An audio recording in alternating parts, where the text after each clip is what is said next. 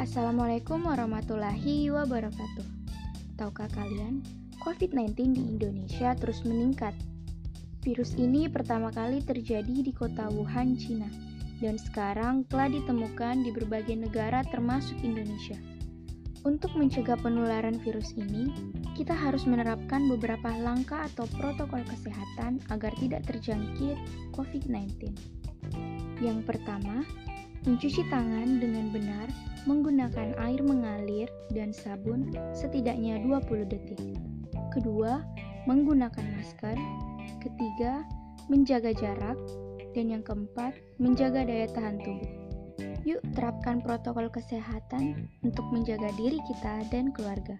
Lebih baik mencegah daripada mengobati. Assalamualaikum warahmatullahi wabarakatuh.